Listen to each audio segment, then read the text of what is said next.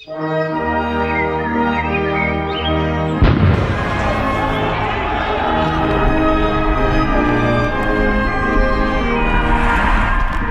skal ikke få lov til at tage andre menneskers frihed. Nu er en del af løsningen. Gud bevarer Danmark. Ja, Gud bevarer Danmark. Velkommen til. Mit navn er Ali, er min Ali som altid, og du lytter til Alis Fæderland. I dag har vi et potpourri af borgerlighed på menuen, kan man nærmest sige. Jeg ved ikke engang, om det er det rigtige ord at bruge, men vi har i hvert fald, øh, eller jeg har i hvert fald besluttet mig for at sådan lige stoppe lidt op, efter at jeg var sammen med Øslem Sekic i går i, i 55 minutter, og lige tænke, åh, jeg skal lige tilbage til, hvad det hele, hvordan jeg har det i bund og grund. Jeg havde brug for det i hvert fald. Så jeg har sat borgerlighed på menuen i dag, øh, og øh, det jeg gerne vil, det jeg gerne øh, ønsker, eller det jeg gerne vil have ud af programmet i dag, det er sådan at finde ud af, øh, sådan, hvor, hvad er temperaturen temperaturen? Hvor står vi egentlig henne? Fordi hvis man kigger på det borgerlige Danmark øh, lige nu, i virkeligheden, så går det jo godt. Det skulle man i hvert fald tro, fordi det går fremad for det konservative Folkeparti.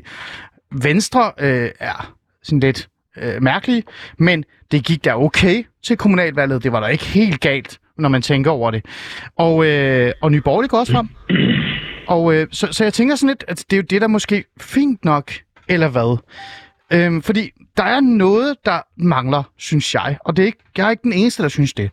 Det er sådan lidt, ja, det går frem. Folk stemmer på det borgerlige Danmark. Folk stemmer for det konservative Folkeparti. Øh, men er det egentlig grund, altså grunden til det? Er det bare fordi, at altså, hvad skulle det ellers stemme på?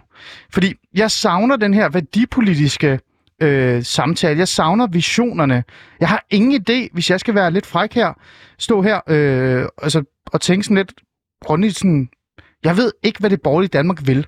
Jeg ved, hvad Socialdemokratiet vil. Jeg ved, hvad Kåre Dybvad vil. Øh, det er der rigtig mange borgerlige, der også, Jeg tror også, jeg godt ved, hvad Kåre han vil. Men altså, hvad er det egentlig, konservative Folkeparti vil værdimæssigt med det danske samfund fremadrettet om 10, 5, måske endda bare halvanden år frem? Og det savner jeg, og det tænker jeg, det skal vi lige have en, en lille snak omkring i dag. Og for at kunne gøre det, så bliver jeg jo nødt til at øh, øh, altså, have nogle mennesker ind i studiet, som ved lidt mere om mig. Altså mere, ikke også om mig, men mere om konservatisme og det borgerlige Danmark. Fordi jeg får altid at vide, åh oh, Ali, du er ikke så dannet, og du går med kasket inden der, så ah, men altså helt ærligt, du har ikke været med om en eller anden ungdomsparti, og jeg sidder bare og tænker, ja, det er godt med jer. Det er fint. Så prøv at danne mig lidt. Giv mig en dannelsesrejse i det her. Så lad os starte med at introducere manden, der faktisk sidder i studiet med mig. Nikolaj Bø, velkommen til. Tak for det. Du er jo, du er jo virkelig borgerlig, kan man sige, ikke? Altså, for borgerlig endda, nærmest. jeg synes ikke, jeg er for borgerlig. Nej, øh, Nikolaj, jeg skruer lige lidt op for dig. Øh, hvis vi lige skal sætte nogle ord på dig, øh, og, det, og det er lidt kedeligt at bare sige, at du er medlem af Konservative Folkeparti og sidder i det tabte land, øh, Frederiksbergs, øh, hedder det byråd? Nej, det hedder Kommunalbestyrelse. Det, det skal hedde byråd. Det hedder kommunalbestyrelse. Ja, men gør noget ved det. øh, hvad kan man mere sige om dig? Jamen, jeg er jo rådmand på, på Frederiksberg, øh, og håber også at, at være det her efter øh, 1. januar, på trods af det, det beklagelige valgresultat her den 16. november. Og så er jeg folketingskandidat i Frederiksberg Slotskreds og Københavns Storkreds, og blev første supplant til Folketinget her ved valget i 2019. Og mm. så har jeg skrevet øh, øh, nogle ting, øh, hist og pist, nogle bøger om, øh, om, om konservativ partihistorie, om, om Frederiksberg, og skriver løbende kommentarer i, øh, i Berlingske mm. og i, i Kristelig Dagblad og, og overskriftet kritik og, og andre steder. Ja, altså det er jo, ikke, det er jo nærmest sådan lidt chokerende for mig, at der sidder en person med borgerlig baggrund, der har skrevet en bog. Men det kommer vi lidt ind på øh, senere. Lad mig introducere de andre gæster også, fordi det er jo vigtigt, som jeg sagde lige før. Vi skal have nogle mennesker ind, som kan hjælpe mig lidt med at forstå, hvad hun der gang, hvad der sker. Lad os starte med øh, David Holt Olsen. Er du med mig? Det er jeg. David Holt Olsen, du er... Øh, Jamen, du har mange ting jo. Du er klummeskribent, du er, øh, du er museuminspektør på, øh, på et, et, et van, vanvittigt flot museum, øh, må man sige. Er det ikke rigtigt? Jo, tak. Jo, tak. Hvad er det, museet hedder? Det hedder Industrimuseet, og der ligger i Horsens. Det er rigtigt. Så er du også øh, rokoko-skribent, og, og så taler du meget om kultur og øh, museer. Kan man sige det? Ja, det? ja, det er klart. Jeg har jo et eller andet afsæt fra kulturverdenen, ikke? men jeg definerer mig samtidig som, som borgerlig, ikke? Som, som en af de relativt få mennesker i kulturverdenen, der gør det. Ikke? Men, øhm, ja. men ja. Øh, få mennesker? Hvad mener du med få mennesker? Er der ikke nogen, der er borgerlige i kulturverdenen? Jo, der er faktisk flere, end man lige umiddelbart tror, men der er selvfølgelig ikke så mange, der ligefrem skilter med det, som jeg, som, øh, som jeg gør. Men, øhm, men ellers så, så kan man sige, at, at rigtig mange øh, dele af kulturlivet, de er jo ellers sådan rimelig røde, ikke? Ja. Det tror jeg ikke, jeg fornærmer nogen ved at sige. Nej, og det kommer vi faktisk lidt ind på senere øh, i programmet i forhold til det her med, hvordan det ser ud med vores øh, hele det her kulturpolitik og kulturlivet for den sags skyld. Mm. Lad mig lige introducere den næste gæst. Øh, David Munk, bogballe, filosof, direktør, kommentator og live fra, fra det dybe Jylland, kan man sige. Er det rigtigt? Jo, fra det snedækkede og øh, meget hvide jyske landskab. Ja. Øh, du sidder nærmest fast, sagde du. Det er prøvet fat på dig. Ja, det gør jeg. Jeg kan ikke komme hverken ud af min indkørsel eller op ad bakken ved siden af, så jeg er bare fanget derhjemme. Okay. Øhm, øh, kan man, øh, hvis man skal sætte nogle lidt flere ord på dig, end det her med, at du er filosof, øh, direktør og kommentator, øh, no, nogle borgerlige ord, hvad, hvad kan man sige? Jamen, man kan jo sige, at jeg var folketingskandidat for det konservative Folkeparti ved det sidste folketingsvalg. Og mm. så har jeg været med i meget arbejde omkring idéudvikling også i det konservative Folkeparti gennem mange år. Ja. Øhm, og så hører jeg jo til den, jeg ved ikke, om man skal tale om fløje, men jeg er sådan en, en liberalt indstillet konservativ. Okay. Øhm, Okay. Øhm, jamen, så er det jo på plads. Så lad os få den sidste gæst øh, med. Og øh, Christian Egander Skov, er du med mig? Ja, ved dig. Christian, da, da jeg skulle øh, sådan line dig op, eller skrive et manus, hvem du er, så øh, min, øh, min gode øh, hjælper, kan man sige, derude, hun var sådan lidt, jeg ved ikke, hvad jeg skal skrive, han har så mange titler. Øh, øh, og det har du jo. du er postdoktor ved Institut for Sprog og Litteratur, så er du forfatter til konservatisme i mellemtidskrigen, jeg ved ikke, hvad det er. Øh, det, må du, Mellemkrigstiden. det, må, det, må, det må du sende mig en eller anden artikel omkring, eller hvad det er. Jeg ved det ikke. Jeg, jeg er jo bare street konservativ, ikke? Øhm, og så er du redaktør ved år, ved årskriftet Kritik. Det lyder også meget borgerligt. Og, og kommentator ved Altinget og foredragsholder. Hold da op, øh, Christian Egander Skov. Du har travlt. Ja, og på Berlingske og øh, Ja. Men andre du, steder, ikke? men du er ikke politiker, og du har aldrig været en del af øh, et politisk parti, eller hvad? Jo, jeg har været medlem af det konservative folkeparti i min, i min pure ungdom, da jeg var aktiv øh, KU'er, men altså, det er jo sådan en politisk aktivitet, det er jo en, en børnesygdom, som man, man kommer sig over med alderen. Okay, fair, fair nok. Det kan, det kan man godt sige. Øhm, jamen, så er det på plads, så ved vi det. Altså, øhm, det er jo øh, borgerlige konservative, der sidder i studiet i dag, eller er med øh, ved at oplinke til dybe Jylland. Øhm, og det vi skal i dag, som jeg sagde her til at starte med, det er, at vi skal lave sådan en, hvordan ser det egentlig ud med det borgerlige Danmark.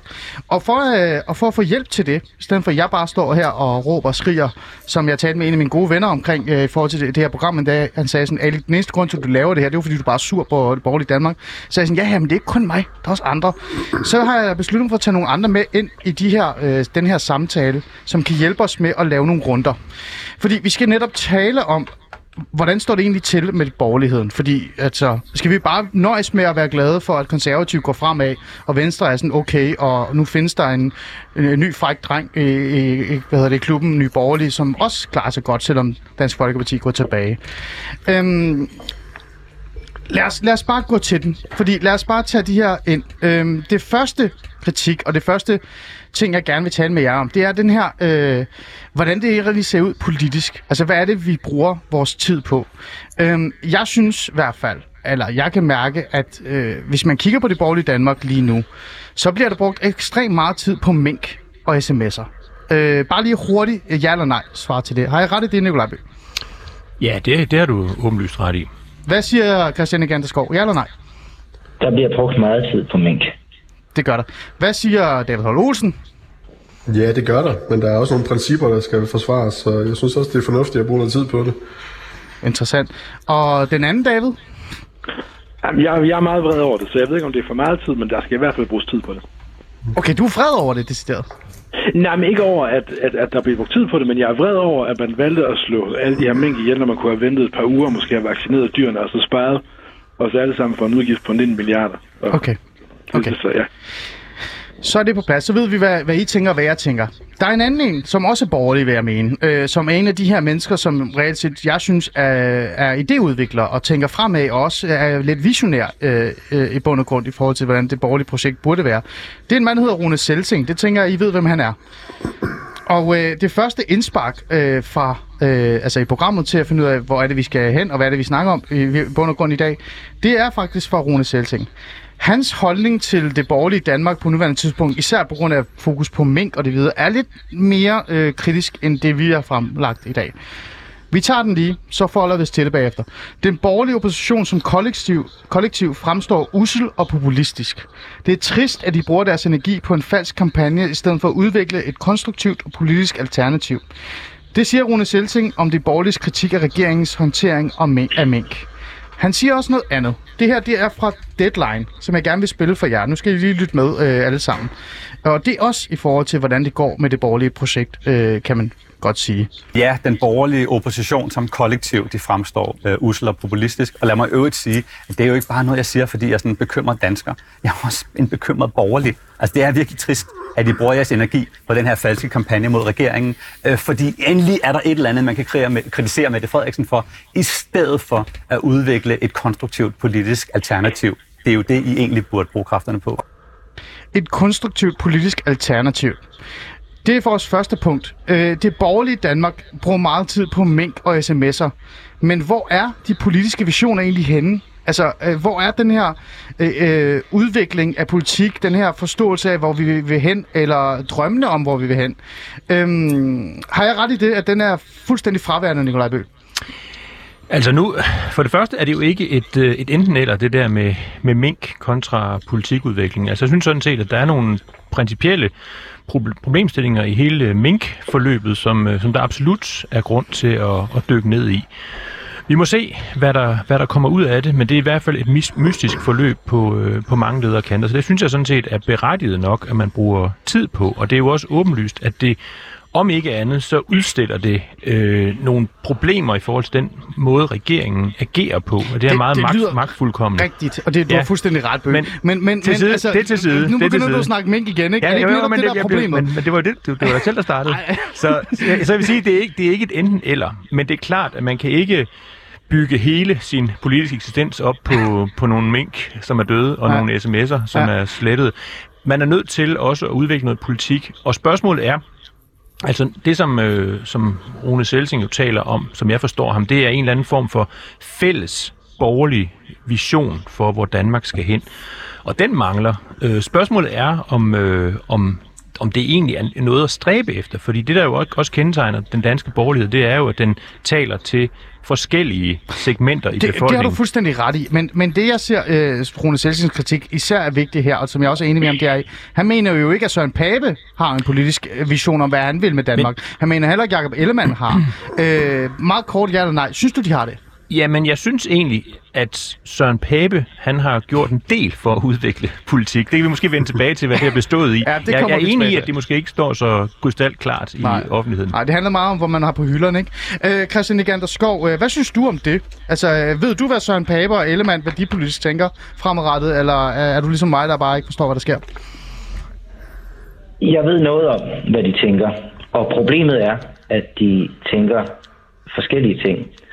Altså Søren Pape har jo slået sig op på en eller anden form for værdipolitik, som sådan ligger i slipstrømmen efter det, hvad vi traditionelt opfatter som borgerligt. Blandt andet i forbindelse med nogle markeringer omkring barselspolitikken. I Venstre er man gået en helt anden vej, hvor man forsøger at lægge sig på det, man opfatter som midten. Det vil sige, at man forsøger at plise øh, det, som er den kreative klasses politiske og ideologiske præferencer. Så der er altså et grundlæggende skæld i værdipolitikken på den borgerlige blok. Jeg er for så vidt enig med Nikolaj Bøge i, at der faktisk ikke er brug for et samlet borgerligt projekt, hvis man opfatter det som sådan noget meget, meget manifest noget. Øh, men der er brug for en eller anden form for fælles fodslag, fordi at hvis vi forestiller os, at borgerligheden vinder på at køre Mette Frederiksen træt på det her minkspørgsmål, og det er jo ikke umuligt, sådan som meningsmålingerne ser ud lige nu, så er sagen bare den, at det, øh, det, vi får ud af en borgerlig sejr, bliver ikke et borgerligt Danmark.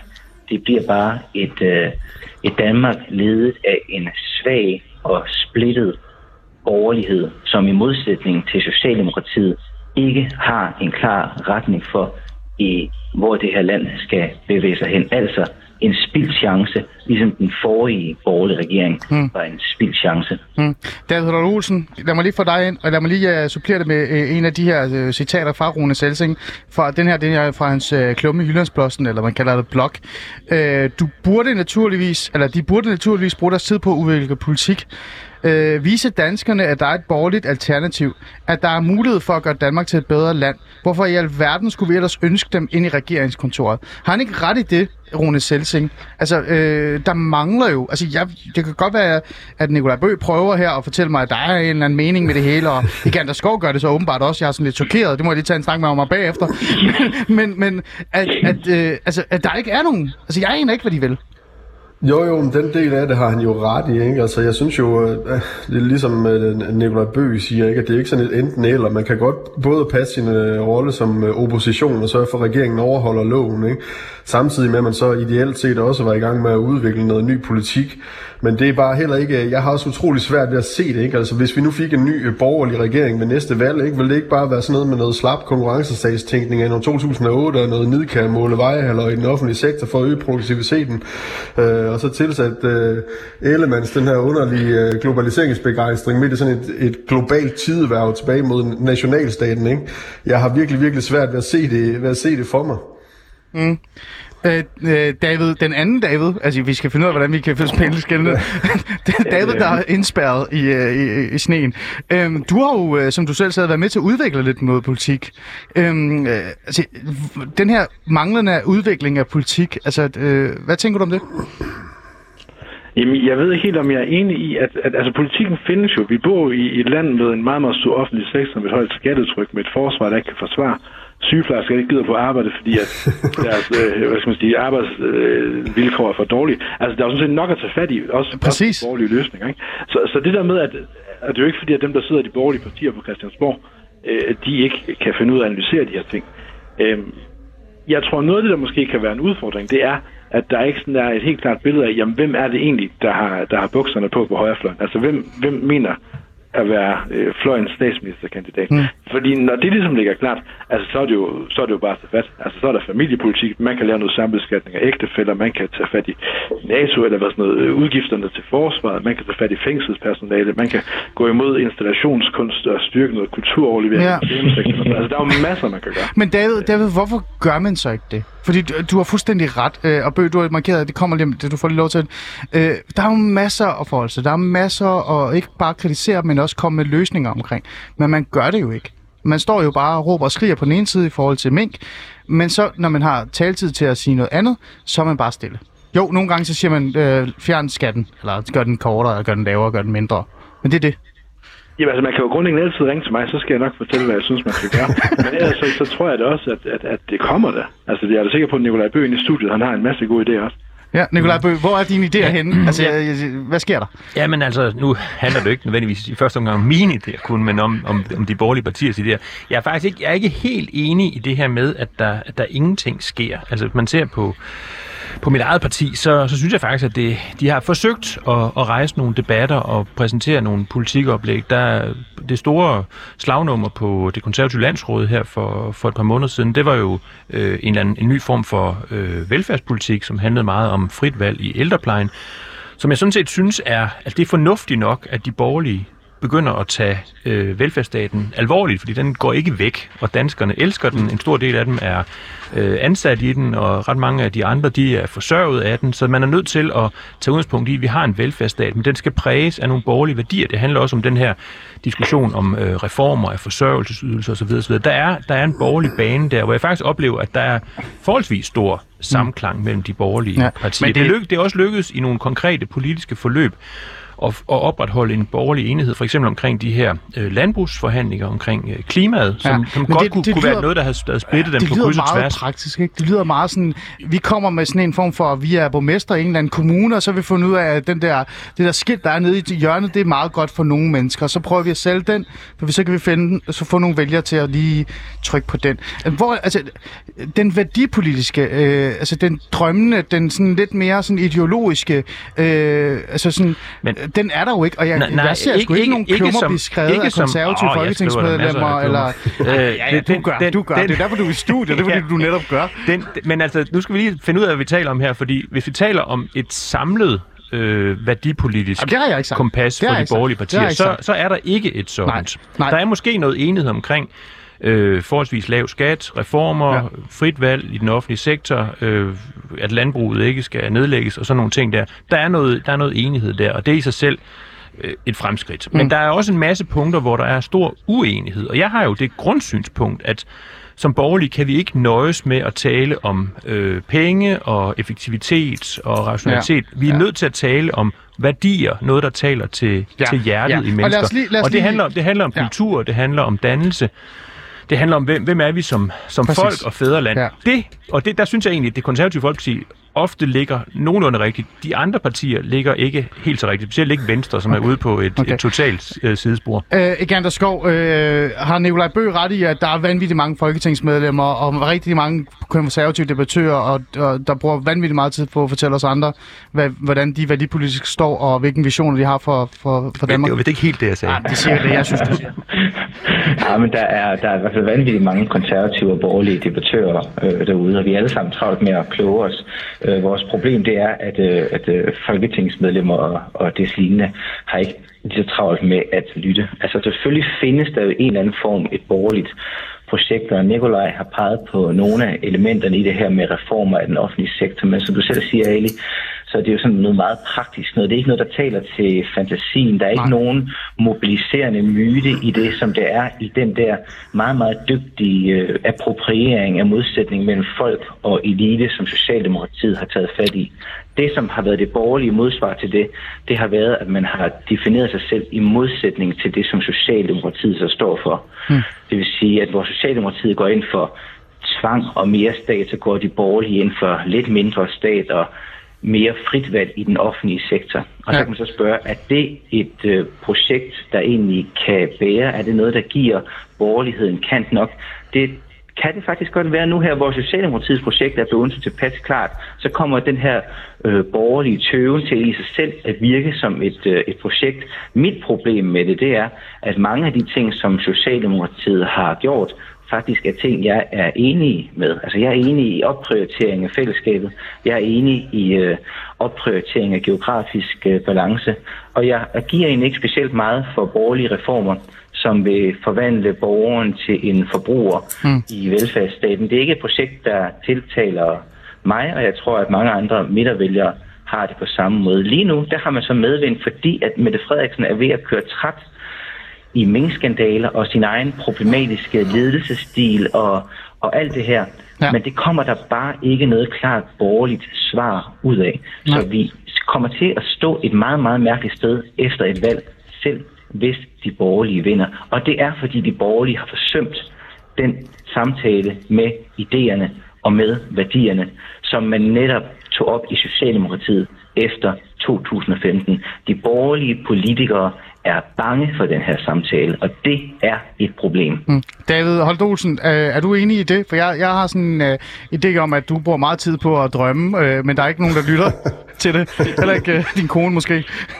Der er ingen, der lytter. Der er slet ingen, der lytter. Kun øh, Radio Lavs lytter, ikke? De er tvunget til det nu. Nej, men, det er, jeg, er men jeg tror faktisk, altså i forhold til noget af det, Nikolaj Bø sagde med fritvalgsordninger, så tror jeg godt, det kan pustes op til noget, der faktisk er øh, ideologisk. Ikke? Og nu kan man sige, Socialdemokratiet, de har jo lagt sig på en, øh, som øh, igen der Skov også siger, ikke sådan en tvangslinje, ikke? altså med central fordeling af gymnasieelever og lukning af private øh, pasningstilbud og dagplejere og børnehaver og den slags, ikke? eller i hvert fald besværliggørelse af, øh, at, de, at de virker. Ikke? Og Jo. der tror jeg i virkeligheden godt, at det at have et frit alternativ øh, på forskellige områder, det er jo en eller anden form for laboratorium, hvor der kan udvikles nye idéer til, hvordan man kan styre den offentlige sektor. Ikke? Jo. Så de borgerlige, de skal da gå fuldstændig i bræschen for friskoler og øh, hvad hedder det, fribørnehaver og fridagplejer. Og vi skal sgu også have et fri, vi skal også have et fri universitet, ikke? der jo ikke er underlagt alle de der instrumentelle krav, som øh, smadrer universiteterne i dag. Ikke? Øh, det kunne jeg fint se som et, stort ideologisk øh, projekt. Mm, interessant. Øh, bare lige hurtigt kort, øh, før vi går videre. Jamen, det, det er jeg meget enig i. Altså, jeg synes sådan set, at, øh, at det der med, jeg, jeg er sådan set enig med, med Egant og Skov i, at det her med at gøre, gøre borgeren til, til forbruger, det, det er ikke noget, det er der ikke meget øh, appel i, men, men hele det, der handler om faktisk at tage udgangspunkt i borgerens øh, dagligdag og få, en, at få leveret nogle ord, noget bedre kvalitet og noget, der matcher den enkeltes behov bedre, det synes jeg egentlig, at der er meget musik i. Og det er jo åbenlyst, at øh, velfærdsstaten har nogle kæmpe store styringsmæssige problemer. Det ser vi jo også meget i forhold til den diskussion, der er lige de her dage omkring øh, sundhedsvæsenet, som angiveligt er ved at, at bryde sammen, på trods af, at vi har investeret mere end øh, 50 procent øh, flere penge i det i løbet af de sidste Ja, 20 ja, år. ja, ja, nu. ja. Så der er, nogle, der er nogle udfordringer med den måde, man styrer den offentlige sektor på, hvor man bør udfordre det med nogle forskellige former for, for private alternativer. Men så er vi jo derhen af, hvor man netop skal fremlægge nogle visioner og nogle drømme, ikke? I stedet for at sige, ligesom du siger, øh, ikke fordi jeg er uenig med dig, men du siger, at den offentlige sektor er blevet kørt forkert, ikke?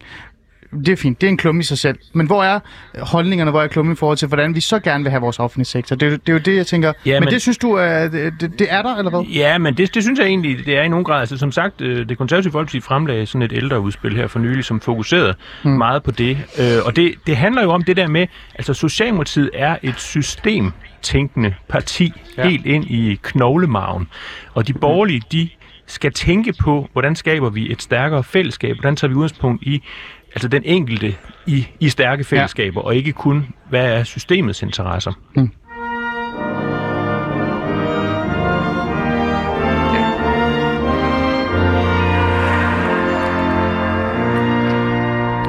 Du lytter til uh, Alice øh, Fæderland. I dag der tager vi sådan et uh, temperaturting på, hvordan det står til med det borgerlige Danmark. Uh, og det gør vi især, fordi jeg er en bedre, gammel, irriteret mand, og jeg er træt af, at der ikke findes noget værdipolitik i det borgerlige Danmark. Og så kan det godt være, at der sidder tre hvide mænd, øh, fire faktisk hvide mænd, og prøver at forklare mig, at det findes, men jeg kan ikke rigtig finde det nogen steder. Så nu prøver vi at, øh, at sådan lige tale lidt om det, og gøre mig lidt glad måske. Det er reelt set det, programmet i bund og grund handler om. Øh, vi tog faktisk fat i det her, øh, vi startede med at snakke om det her med, at Rune Selsing et eller andet sted efterspørger noget værdipolitik. Øh, han, han savner noget, øh, en vision om, hvad det er, man gerne vil i de forskellige partier. I var rigtig gode til, øh, rigtig politisk agtigt, at rykke det hen til, at det skal være et fælles projekt. Det var ikke det, det handlede om i starten, men tillykke med det. Det fik I klaret rigtig godt. Så jeg tænker sådan, at lad os lige hurtigt høre øh, et andet punkt, som vi skulle tage op. Og det var det her fælles projekt i bund og grund. Ikke? Og det er Hans Engel. Jeg tror godt, vi alle sammen ved, hvem Hans Engel er, men tidligere konservativ, stadig måske konservativ, men jeg ved aldrig. Det var noget med en øh, køretur, der ikke blev øh, så god.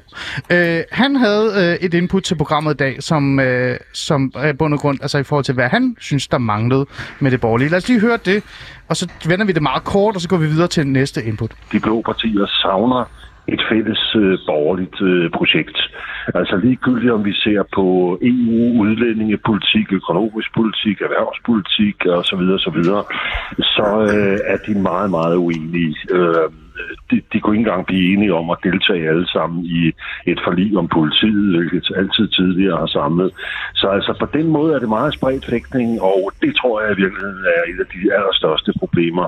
Hvad er egentlig det fælles øh, blå politiske projekt? Det kan blive en svaghed under en valgkamp, at øh, nogle af dem er enige om noget, øh, og andre er enige om noget andet, men der er ingen af dem, der er enige om det hele. Altså hidtil har borgerlig politik jo i høj grad været at kritisere regeringens coronapolitik.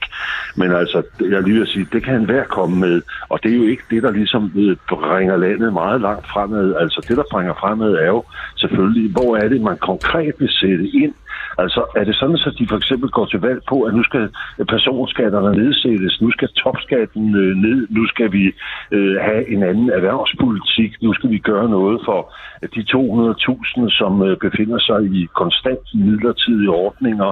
Hvad har man tænkt sig at gøre ved øh, unge øh, med, med anden etnisk baggrund fra indvandrerfamilier, som hverken er i arbejde eller uddannelse, osv. osv. osv. Altså, der er masser af punkter, hvor jeg synes, de blå partier ligesom er skylder at svare på, hvad er det, de vil, som regeringen altså øh, trækker i en anden retning nu. Det var Hans Engel, som kom med hans øh, input, og det var jo mere det her det, øh, samlede projekt, kan man sige. Ikke? Øh, I affrede den fuldstændig, og der er en politimand i nærheden af, hvor en eller anden sidder. Øh, jeg affrede den fuldstændig og sagde, at der er ikke noget behov for, at, at alle borgerlige partier har sådan et fælles projekt. Jeg vil gerne give jer ret i, at det, det er også lidt vildt at tro, at vi alle sammen kunne sætte os ned og være enige om én enkelt ting. Det er mange ting. Men har Hans Engel ikke på en eller anden måde også lidt ret i, at, øh, altså, at vi er meget splittet. Altså, det borgerlige Danmark er meget splittet. Hvis man skulle lave sådan en lille hurtig analyse, som jeg øh, måske godt kan lave, fordi jeg skriver faktisk også nogle gange analyser for altinget, så det er det her med, at, at øh, Pernille Vermund har travlt med at være Pernille Vermund. Øh, Venstre har travlt med at redde sig selv. Konservative har travlt med at tage Venstres øh, stemmer øh, i bund og grund for at vise, hvad de har på hylderne. Det er jo et ordsprog, de bruger rigtig meget. Det her med at nærmest at være en, øh, hvad hedder det, hvad kan vi sige, sådan en øh, supermarked, ikke? Hvad har jeg på hylderne i dag? Fordi det er det, brugerne vil have, så jeg kan få dem til at købe øh, hos mig i stedet for hos de andre, og så videre, og så videre. Så er der ikke øh, for meget infight i virkeligheden, øh, i bund og grund på nuværende tidspunkt øh, hos det borgerlige? Øh, og kan det ikke skade øh, en øh, potentiel valgkamp, der kommer øh, forhåbentlig om snart. Lad os starte med øh, David, øh, der er spadet inde. Jamen, jeg vil lige starte med at sige, at i de her identitetspolitiske, så farlige tider, så skal du nok passe på med at sidde fra din privilegie, privilegieposition i studiet og kalde mig en hvid mand. øhm, men, men når det er sagt, så synes jeg, at... at David, David er du ikke hvid? Nej, det ved jeg ikke. Er det ikke sådan mellem? Nej, David, Øhm, det kan man ikke David radioen. nu, bliver, nu bliver jeg bekymret. jeg, jeg, jeg er for flot til radio. Men hvad hedder det? Nu skal jeg... Altså det der jo måske er, og det er det, de forlænger sig det Christian også sagde. Altså man kan jo godt lære noget af Mette Frederiksen. Jeg synes jo også, det er nogle glimrende reformtiltag, hun har, øh, hun har gennemført i forhold til det her med at skabe bedre balance mellem by og land. Men det hun i hvert fald også har gjort, det er, hun har, øh, hun har simpelthen taget ansvaret på sig. Altså det er hende, der står på mål for det socialdemokratiske projekt, for regeringens projekt. Og, og man må godt kunne mærke det. Og det, der sådan har været tradition for blandt borgerlige, jamen, det er jo sådan noget med kompetence. Altså, vi er mere kompetente til at drive den offentlige sektor. Vi kører længere på literen osv. Man skal simpelthen have mod til at sige, med de ting, der nu måtte være, øh, og der er virkelig mange ting, det var vi lidt inde på før, som er borgerlig politik, det er det, vi gør nu, og så må man godt kunne mærke det. Og så er der måske nogen, der bliver sure, mm. øh, men, men sådan er det. David Holm Olsen, hvad tænker du? Men jeg tænker om... Øh, Jamen det her fælles, det her borgerlige projekt, altså er der virkelig behov for det, eller, øh, Jamen, eller er- kan vi være ligeglade, men så bare i det mindste håbe på, at man ikke sådan æder hinanden op, øh, at man på en eller anden måde står sammen omkring et eller andet? Jo, jo, men øh, der er jo nok en eller anden nostalgisk længsel tilbage mod nullerne, ikke? Altså, hvor man ligesom havde øh, de flertallet af borgerlige partier, der så stod for økonomiske, øh, øh, hvad hedder det, fornuftig politik, ikke? Og så fodrede man Dansk Folkeparti af med, med, noget, øh, med nogle udlændingsstramninger, ikke? Der var en eller anden form for orden i det, ikke? At det er klart, den orden, den er der jo ikke under det, under det nuværende, men jeg synes egentlig, det er en, på mange måder også er en styrke, at der ligesom er markant forskellige positioner. Altså, der er jo en eller anden fejlantagelse i, at man tror, at alle de forskellige positioner, de skal være klappet af på forhånd. Der, der vil jo foregå en forhandling, øh, hvad kan man sige, når man skal til at lave en eller anden form for, for regeringsgrundlag, ikke? hvor de der forskellige, det er lige der, de forskellige positioner bliver båret ind mod hinanden. Ikke? Øh, og lige nu, der tegner sig jo egentlig her efter kommunalvalget en eller anden ret fin arbejdsdeling i virkeligheden, hvor de konservative, de Altså, de har jo haft held med at lokke, lokke en del af byvælgerne over, over midten, ikke? Øhm, altså næsten som de nye radikale. Nu skal jeg nok lade være med at, at uddybe mere, Og dermed, mere, mere, øh, mere på den an- analysebøg. Ja, Ja, ja. ja. Men altså, som partiet i midten, ikke, der kan hive, øh, hive vælgere over, ikke? Og der kan man sige, ven, sådan et Vogue Venstre, de kan også potentielt have, have godt fat Det kommer i, vi i ind på lige om lidt. Det kommer vi ind på lige om lidt. Ja, i byvælgerne, ikke? Øhm, og så, så mangler der, så kan man sige, så DF, de er jo på en eller anden måde sådan, de er jo sådan i, i opløsning, ikke? Men altså, hvis de kunne komme lidt i form igen, så havde man nogen, der kunne appellere til, til landvælgerne, ikke? Så du ser det faktisk som noget positivt, David? Bare lige øh, ja eller nej kort her. Altså du ser det Ja, som noget det positivt, jeg. at man har Det forskellige kan- ting på hylderne? Jeg ser det ikke automatisk som noget negativt, nej. Øh, Bø, er du Jamen blevet altså- radikal venstre? Nej, det synes jeg, det du synes jeg ikke helt. Du har jo lige tabt vende Frederiksberg. tilbage til. Altså. ja, øh, men det, det, det, det synes jeg bestemt ikke, nej. Men altså, der er jo en grund til, at det er forskellige partier, det her. Altså, det ikke er ét Danmarks borgerlige parti. Og, øh, og dansk borgerlighed har jo altid haft en, øh, en liberal øh, øh, liberal hoved og et konservativt hoved. Og det er sådan set, og så er der nogle andre nogle partier rundt omkring, der sådan er varianter af, af de der grundholdninger. Øh, og det er sådan set, og der er også noget, nogle fælles mængder mellem Venstre og det konservative folkeparti, ja. men, det, men det er forskellige partier, og det skal være forskellige partier, og de appellerer til forskellige segmenter. Det, som man selvfølgelig skal undgå, det er sådan noget som den helt igennem redselsfulde VLAK-regering, hvor man, hvor man tilbringer altid med at forsøge at rive hovedet af hinanden Ja. og skændes i offentligheden. Sådan. Det var Ja. selvfølgelig helt igennem forfærdeligt. Okay. Det, der var problemet dengang, Ja. ja. ud fra mit synspunkt, det var jo, at det konservative folkeparti var for svagt. At hele den den tankegang, som, øh, som konservatismen repræsenterer, at den var for dårligt repræsenteret og havde for lidt gennemslagskraft i den regering, fordi partiet var så lille. Nu er det bedre, nu er der en bedre balance mellem Venstre og Konservativ som de to dominerende borgerlige partier i Danmark, og det tror jeg grundlæggende er sundt. Det betyder, at de bedre kan balancere hinanden og bedre kan sikre, at de får lavet et øh, grundlag for en kommende borgerlig regering, som til gode ser begge dele af borgerligheden, samtidig med, at der også er en fællesmængde, som bør handle om det her med øh, en, en offentlig sektor, der er lidt mere orienteret mod øh, den enkeltes behov mm. og mere valgfrihed mm. osv. osv. og holde skatterne i ro og sikre, at virksomheden har det mm. godt osv. osv. Men der er, der er nogle ting der, nogle konservative dagsordner omkring det værdipolitiske, øh, også omkring forsvaret i øvrigt, men omkring det værdipolitiske, om, om dannelse og skole og kultur ja. osv., som har været underbetonet, og som jeg synes skal fylde langt mere i en kommende borgerlig regering, fordi det er noget af det, der taler til folks øh, hjerter, og ikke så meget mm. til deres pengebog. Ja. Det, er jo, det er jo enig med dig. Øh, jeg synes bare ikke rigtigt, vi som vælger høre noget som helst om det. Det kan blive bedre, men øh, jeg synes, det er på vej. Okay, det er godt. Øh, igen, der bare lige meget kort, hvis du også lige vil have noget, for jeg vil gerne bruge dig til noget andet, der kommer lige om lidt. Men, men i forhold til det her fælles projekt, der har du jo sagt, det er jo ikke fordi, der er det, det behov for det. Men, øh, men du tænker også, det er meget positivt, at, at vi har forskellige ting, vi kan putte på menuen, og så det mindste få nogen til at stemme? Nej, altså, ved du hvad, selvfølgelig, jo, selvfølgelig til en vis grad, men der er forskellige menupunkter, der ikke kan sætte sammen. Prøv at forestille dig en menu, hvor forret og hovedret ikke passer sammen. Altså så forlader man det restauranten mm. med det samme. Som Pape havde et billede, han brugte på et tidspunkt, at det var egentlig ikke så afgørende med det der fælles projekt. Det handlede bare om at sætte sig ind i samme bil og se, hvor langt man kunne køre på literen. Men det kræver jo så bare, at man er enige om, hvor man skal hen i den bil. Altså hvis man kører en tur i sin bil med nogen på bagsædet, der ikke vil med, så er det ikke en køretur, så er det en gisseltagning. Og det, det, det, det, det, det der er det borgerlige Danmarks øh, problem. Øh, det handler ikke om, hvor langt vi kører på linjen, det handler om, hvor søren vi skal hen. Ja, men igen, ved de selv, hvor de er på vej hen? Eller handler det helt bare om uh, statistikker og algoritmer og, og, og få stemmer over på, altså fra hinanden? Vi er, vi er på vej sikkert derhen, hvor vi er nu, bare lidt mindre, ikke? Det er, sådan, det er den borgerlige vision for Danmark. okay. Jeg bliver ked af det nu. Nå, det giver os uh, god grund til at køre videre til næste runde.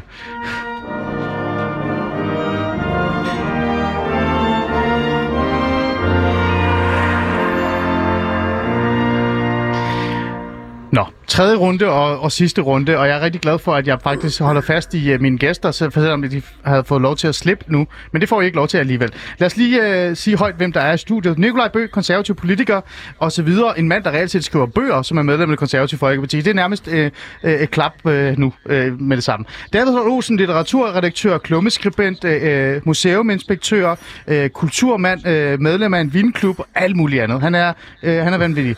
Uh, Christian Egander Skov, uh, jamen Christian Ganderskov, jeg kan ikke, du har for mange ting. Kan du ikke bare sige ét ting, der definerer dig? Historiker. Sådan. Smukt. Og David Munk, øh, bogballe, filosof, direktør og kommentator. I er jo med i programmet, og ikke vid. Så har jeg sagt det, David. Øhm, I er jo med i programmet for at hjælpe mig med at finde ud af, om jeg bare er en sur gammel bitter mand, og er træt af, at der er ikke nogen, der snakker værdipolitik, eller om der er hold i det. Og apropos det her med, at du sagde, at hold nu op, Ali, husk nu, øh, og der er Vogue og alle de her ting, identitetspolitiske strømninger. Så lad os høre det sidste øh, indspark og øh, den sidste debat, vi skal have i forhold til, hvordan det ser ud med, med det borgerlige Danmark. Den kommer fra en øh, person, som jeg har faktisk meget respekt for. Jeg tænker, vi alle sammen har respekt for hende, men hun kan også være hård og skrab. Her kommer øh, Marie Krav det gammeldags familiebegreb om, at man er mor, far, børn, og det gammeldags øh, kønsbegreb om, at der findes to forskellige køn, øh, det, det opløser man at det er en meget populær woke dagsorden for øjeblikket. Og jeg kan godt forstå, at Socialdemokratiet fremsætter sådan en, øh, et lovforslag, fordi de er nødt til at tækkes deres øh, egne støttepartier, altså fordi de er en mindretalsregering. Men jeg kan ikke forstå, at Venstre og Konservativ går ud og støtter sådan noget. Altså hvis man er et øh, borgerligt, eller i hvert fald især et, et konservativt parti, så bør man jo støtte den traditionelle familie. Man bør støtte den traditionelle øh, kønsopfattelse. Det er jo ikke et fælles borgerligt projekt lige nu, fordi der er et liberalistisk projekt om at lave en minimalstat øh, og sætte skatterne ned og alt muligt. Altså, og, og det er der nogen, der synes er borgerligt. Så er der et konservativt projekt, det er et nationalkonservativt projekt, som Dansk Folkeparti står for, som er, at Danmark skal være en nationalstat, og man skal også tage sig af de svage. Altså, det vil sige, det er meget langt væk fra liberalismen. Men de blå partier er jo splittet indvendigt, det, eller mellem hinanden, det må man jo sige. Og der synes jeg jo, at det er sørgeligt, at øh, de blå partier øh, så også overtager woke-dagsordenen, fordi den synes jeg dog, vi burde kunne have en fælles modstand imod. Jamen, det er jo helt, ikke? Altså, er det borgerlige Danmark blevet vogue? Altså, det hun taler om, det er, at regeringen har fremsat et lovforslag om noget så umiddelbart øh, tilforladeligt om at ændre børn og navn øh, hvad hedder det, børne- navneloven. Og det er den, hun øh, reelt set er blevet sådan lidt irriteret og vred over. Men hendes kritik i bund og grund er jo netop det her med, at det borgerlige Danmark er ved at rykke sig for langt væk fra borgerlige idealer. Og så siger hun jo igen, endnu en gang har vi en person, der siger, at man reelt set ikke ved, hvad, hvad det borgerlige Danmark vil.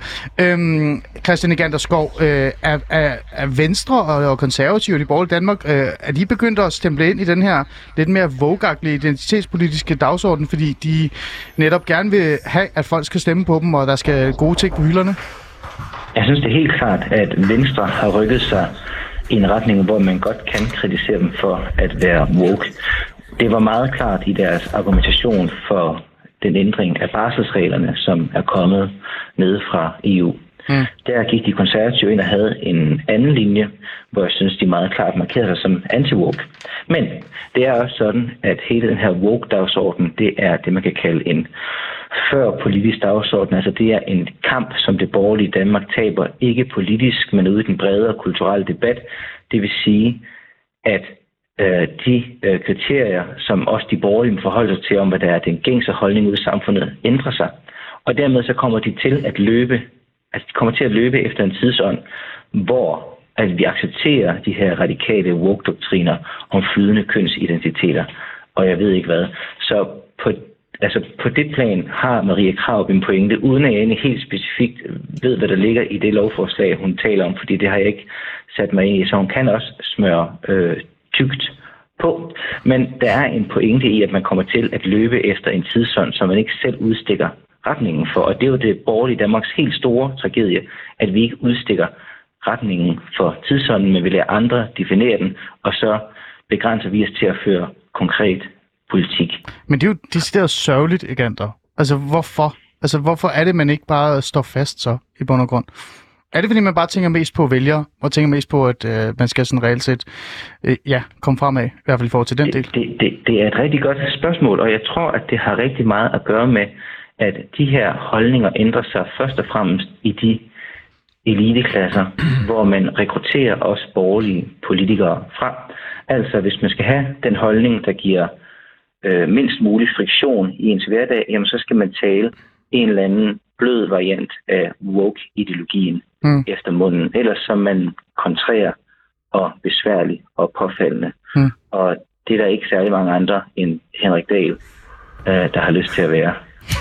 Øh, David Olsen, har du lyst til at være woke? Øh, ikke sådan øh, synderligt, men øh, altså, jeg er jo meget, øh, meget enig med, med Igant. Ikke? Men jeg forstår i virkeligheden ikke, at man ikke har pustet, hvad kan man sige, modstand mod identitetspolitik større op. Altså, der er jo ja, fordi man har en mulighed her, ikke, David? Ja, altså, man har, har altså en værdipolitisk mulighed her. Ja, der er en værdipolitisk mulighed for lige der at lokke nogle af de der traditionelle middelklasse vælgere over på den anden side. Man har i virkeligheden en sag, hvor man har størstedelen af befolkningen på sin side, ikke? Øhm, men man gør ikke så meget ved det. Der er Henrik Dahl, og der er Nikolaj Bøge, der gør det, der gør det rigtig øh, dygtigt på det område. Ikke? Mm. Men man kunne godt blæse det, blæse det større om. Ikke? Altså, nu sidder jeg i, jeg sidder i Horsens, ikke? Øh, i sådan midt i produktionsdanmark. Konkret i Danmark. Helt, vi, er, vi er helt utrolig ikke woke. Altså, det er simpelthen ikke en dagsorden. Øh, jeg møder i mit øh, daglige virke. Ikke? Der, er, øh, der er en transseksuel i øh, Horsens, der bliver interviewet en gang imellem i Horsens Folkeblad. Ikke? Og alle er enige om, at han selvfølgelig, eller han eller hun selvfølgelig skal behandles ordentligt. Ikke? Men ellers så er det altså en utrolig lille dagsorden. Ikke? Så det er lige netop sådan en elite-dagsorden, hvor man kan positionere sig som den rigtige, ikke? ved at anname det. Ja. Men, øh, men der er en traditionel middelklasse ude i Danmark, som synes, at det er noget øh, underligt noget, ikke? som har nogle traditionelle opfattelser af det her. Ja, Nikolaj Bøge, for du gør jo faktisk lidt ud af det. Du, du tager den her værdipolitiske den politiske kamp sammen med netop Henrik Dahl fra Liberal Alliance. Øhm, hvad tænker du om situationen så?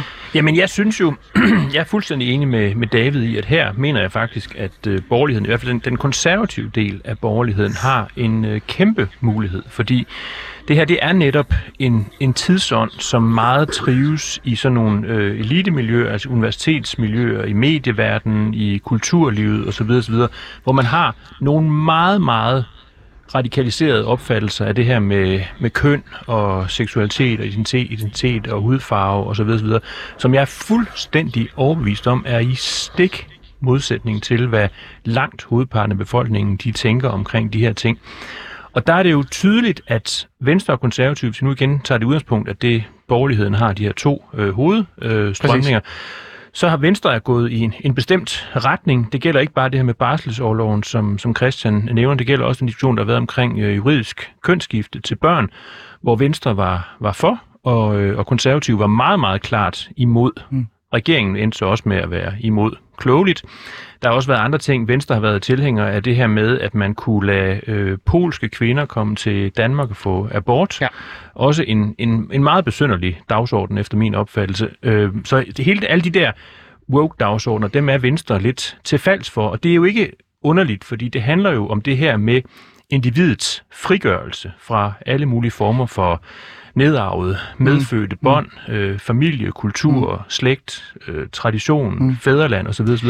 Det er der en, en liberal, øh, noget ja. liberal musik i, at frigøre Præcis. individet fra alle de der ting der, men ja. det er der bestemt ikke en konservativ ja. dagsorden. Der handler det tværtimod om at holde folk fast på det givende, ja. fordi det giver det bedste grundlag for ja. menneskelivet i det lange løb. Men så vil jeg så holde fast i det der, fordi du, du netop fortæller noget fantastisk her. Men hvorfor er det så, at, at uh, Nikolaj Bø, som sidder over for mig, uh, nu nævner jeg som om du ikke er der, men du er der jo, du sidder foran mig, og Henrik Dahl er de to eneste politikere, som reelt set har set værdipolitisk øh, gå ud og, og så sådan tordne imod det her, vise øh, en, en, hvad kan jeg sige, en modstand, eller vise, at der er noget andet til os vælgere. For det er jo ikke fordi, at, øh, at der bliver sådan talt om store ord med det her omkring det her. Det er jo bare, man stemmer imod, man kan ikke lide det, og så er det slut, og så kører man videre. Altså, det er, det er jo svært for mig at svare på. Men er man bange altså, for noget? Altså, ja, det, helt ærligt, jeg spørger dig helt seriøst. Er man bange for... Altså, sidder der mennesker i det konservative folkeparti, i Venstre og så videre, er bange for at være hårde eller tale værdipolitisk, fordi man tænker, hvis du siger noget hårdt, så kan det være, at du mister den der den der midt imellem vælger, der bare sådan stemmer på dig på automatik, fordi du ikke siger noget? Altså, det, det her, det kræver øh, en, en lidt mere sådan principiel forankring i, øh, i nogle holdninger og nogle værdier.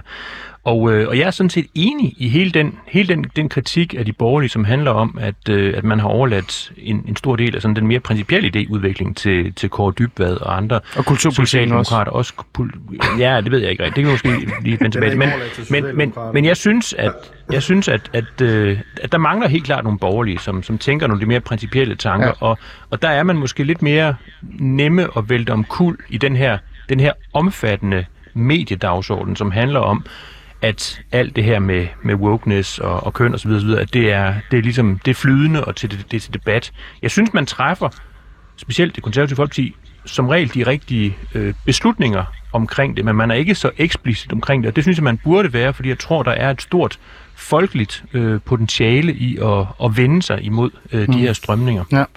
Øhm, her til, øh, vi har syv minutter tilbage. Jeg synes, øh, vi skal bruge lidt tid på at lige at runde sådan det hele af. Altså, jeg, øh, ideen med hele programmet, det var netop at have øh, nogle mennesker ind i studiet, som ved lidt mere om, øh, om det hele, øh, som kan supplere hinanden og hjælpe hinanden, fordi så dum er jeg nu heller ikke selv. Men, men jeg havde bare sådan lidt, jeg var lidt træt af, at jeg skulle være den eneste, der havde sådan en idé om, at det hele ikke var så godt, som det var, når vi tænker om det borgerlige Danmark. Øhm, og jeg havde sådan tre emner, jeg tog op øh, for at, sådan, at lige slå lidt ned på det. Det var det her med, at det borgerlige Danmark brugte for meget tid på sms og mink, og jeg ved ikke hvad, og havde ikke rigtig nogen værdipolitiske drømme selv det var I ikke så 100% enige med mig i, men I var sådan lidt okay enige med mig i. Så havde vi det her fælles projekt, Hans Engel synes var vigtigt at tage op. Øhm, det synes jeg stadig også er lidt vigtigt, men det kom vi lidt igennem. Øhm, og så har vi det her med, at øh, det konservative, og måske ikke så meget konservative, men måske Venstre og de andre er blevet lidt vogue. Øhm, det var nogle tre emner, vi lige bare slog ned igennem, altså slog ned på. Men, men generelt så grund til, at jeg står her og har Nikolaj Bø i studiet, Christian Eganderskov med, øh, David Holm Olsen med og Nikolaj Bø, det er jo, jeg i bund og grund mener, der er jo ikke rigtig nogen visionært tænkende mennesker individer på det borgerlige fløj. Altså, der, der er de her, øh, der er jer, det er derfor, I er med. Tillykke. Jeg, øh, det, det er øh, et skulderklap fra mig. Men, men de findes jo ikke. De er der jo ikke. Altså, det, folk, der reelt set tænker visionært, der tænker fremad. Hvor er Kåre Dybad Bæks borgerlige... Øh, altså, altså, svaret på Kåre Dybad Bæk. Hvor er svaret på de her sådan lidt visionært tænkende? Og, og så det andet, jeg sådan lidt er nysgerrig omkring, det er sådan lidt hvorfor er det, for jeg snakkede med øh, en anden, som er sosse, øh, Nils Jespersen, ham kender vi alle sammen godt, han er chefredaktør på Pio, hvor jeg spurgte ham sådan, hvad er det egentlig, der sker? Og han sagde til mig, det eneste, han havde lagt mærke til, det er, at det er meget sigende, at de kloge i den borgerlige blok ikke er en del af partierne, de er uden for partierne. Så hvorfor er det, at de mennesker, som tænker frem, som er værdimæssigt, ikke reelt set er en del af maskineriet? Lad os starte med dig, David øh, Buksballe, fordi du har jo været en del af det engang. Det er du ikke mere. Jamen, jeg ved ikke, om jeg kan ved længere. Det er jo sådan set stadigvæk. Øhm, men, men altså, jeg tror, hvis man skal tale om det konservative folkeparti i hvert fald, så er der jo en historie om nogle fløjkrige og noget med at rumme øh, forskellige strømninger, noget socialkonservatisme, nogle liberale og nogle måske mere nationalstillede, øh, traditionelle konservative i samme parti. Og man kan sige, jo mere man dyrker øh, deres øh, forskellige retninger af, af, af konservatisme, altså jo mere man fremmer den, jamen jo større og tydeligere bliver splittelsen. Så på den måde, så det Søren Pape, han gør øh, også rigtig godt i øjeblikket i hvert fald, det er, at han har jo formået at, at samle partiet omkring sådan en, øh, en fornuftig pragmatisme. At det så ikke kan være nok i sig selv, og at der skal noget idéudvikling til bagved, det, det kan du ikke have nogen tvivl om. Men man skal også passe på med ikke at sige, jamen prøv nu kan du være lige så liberal du vil, og nu kan du være lige så konservativ du vil, øh, så, så, så brænder tingene jo sammen. Så du siger teknisk set, det er meget godt, de ikke lytter til dig? Og, eller hvad?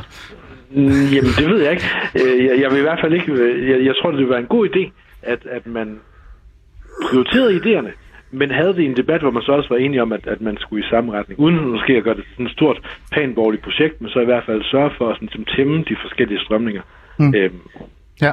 Øh, Christian Egander Skov, da jeg spurgte øh, rundt omkring, øh, hvor er øh, det borgerlige svar på Kåre Dybvad Bæk, øh, så sagde de, at det er, der er jo Christian Egander Skov. Og så sagde jeg, at han er jo ikke folketingsmedlem, han er jo ikke politiker, han er ikke noget som helst, øh, i hvert fald i forhold til det, han sidder udenfor og skriver nogle gode klummer. Øh, Christian, øh, altså, hvad laver du? Hvad jeg laver? Jamen, hvorfor, ja. hvorfor er du ude af det? Altså, hvorfor står du udenfor og kigger ind? Jamen altså, det, det, det, det synes jeg er lidt et meget fornuftigt sted at, uh, at stå. Der er ikke rigtig, jamen altså, det er jo, du ved, at det kan, det, kan, det kan da godt være, at det er mig, men altså, det er jo også sådan, at øh, hvis man er en tennisbold, så sidder man bedre fast på væggen, hvis der er velcro på væggen, og det er der nu engang ikke øh, i, i de borgerlige partier, fordi Nej. der er ikke nogen kultur for, øh, for de her ting, som, øh, som altså både som jeg laver, som, som Nikolaj Bø laver, og som David Munk Boballe, David Holt Olsen laver. Altså, der er ikke kultur for det. Hvis man stiller sig op i en konservativ vælgerforening og begynder at sige de her ting, ja så bliver folk sådan lidt tomme i blikket og begynder at kigge mod barnet og se, om vi ikke kan få noget kaffe eller en øl eller en snitte. Det har jeg faktisk oplevet. Det vil jeg gerne sige. Det er rigtigt. Det har jeg selv prøvet. Sådan det, sådan det sker, og det er jo trist. Øhm, den, den, men hvis vi skal gå væk fra det polemiske, ja. så er den dybere grund til det, det er, at der, jeg tror, der sker sådan en generel sortering i, at de folk, der interesserer sig for idéer og kultur, de går til venstrefløjen, og de folk, der er meget praktisk orienteret, de går til til højrefløjen. Okay. Det vil sige, at der er sådan en ghetto-effekt på højrefløjen, hvor man simpelthen ikke taler det rigtige ghetto-sprog, hvis ikke man taler praktisk og konkret og anvendelsesorienteret. Og så er det jo klart, så, øhm, så, så kan man jo sige så meget, man vil, men der er ikke nogen, der forstår, hvad man, hvad man siger. Okay. Jeg tror måske, at vi, kan, at, at vi er et sted, Meget hvor, kort. hvor hvad ja. det, det måske er ved at, øh, at vende, og det okay. synes jeg er positivt. Ja. Bø, øh, kort her, øh, hvor øh, de, her, de her værdipolitiske tænkende, de her, altså sådan nogle som Christian Egander Skov, har vi ikke brug for dem i partiet? Vi har halvanden minut. Jo, helt bestemt, øh, og jeg synes da også, det er ærgerligt, at, øh, altså jeg synes, at Christian gør mange gode ting, men, men det er jo ærgerligt, at, at, at folk af hans øh, intellektuelle kaliber, de ikke har lyst, de ikke føler sig tiltrukket af øh, partipolitik. Altså, jeg synes sådan set, jeg er enig i det der med, at der er ikke nogen stor tradition for, øh, for at være, være, være sådan meget idépolitisk tænkende i det konservative folkeparti, men jeg synes heller ikke, jeg oplever heller ikke nogen sådan kæmpe modstand imod det. Altså, jeg skriver trods alt øh, ting og sager, og mm. det, det, er, det, jeg har ikke mm. mødt nogen repræsalier i den anledning endnu, men det er klart, man, man vægter det, det praktisk politiske håndværk meget højt. Okay. Det er ingen tvivl om. Vi er kommet i mål. Der er 30 sekunder tilbage. Øh, min mission med det her program, det var at have en hyggelig, øh, mm, dejlig samtale med jer om, hvordan det står til med det borgerlige Danmark, og så skulle I forklare mig, at jeg skulle ikke være beroligende, altså jeg skulle, eller I skal berolige mig og sige, ikke være så urolig, det er okay, det går godt, det pragmatiske tilgang er i orden. Jeg står her tilbage og har lyst til at stemme på Socialdemokratiet, så jeg ved ikke rigtig, om det har hjulpet eller ej. Men øh, med de ord, så vil jeg bare sige tak til Nikolaj Bø, konservativ politiker, tak fordi du var med. David Holm Olsen, tak fordi du vil være med. Museuminspektør og klubmusikribent og alt andet. Christian Egander Skov, tak fordi du var med. Og David Munk Buksballe, tak fordi du ville være med. Øhm, jeg skal nok lade være med at stemme Socialdemokratiet, men jeg er virkelig i tvivl.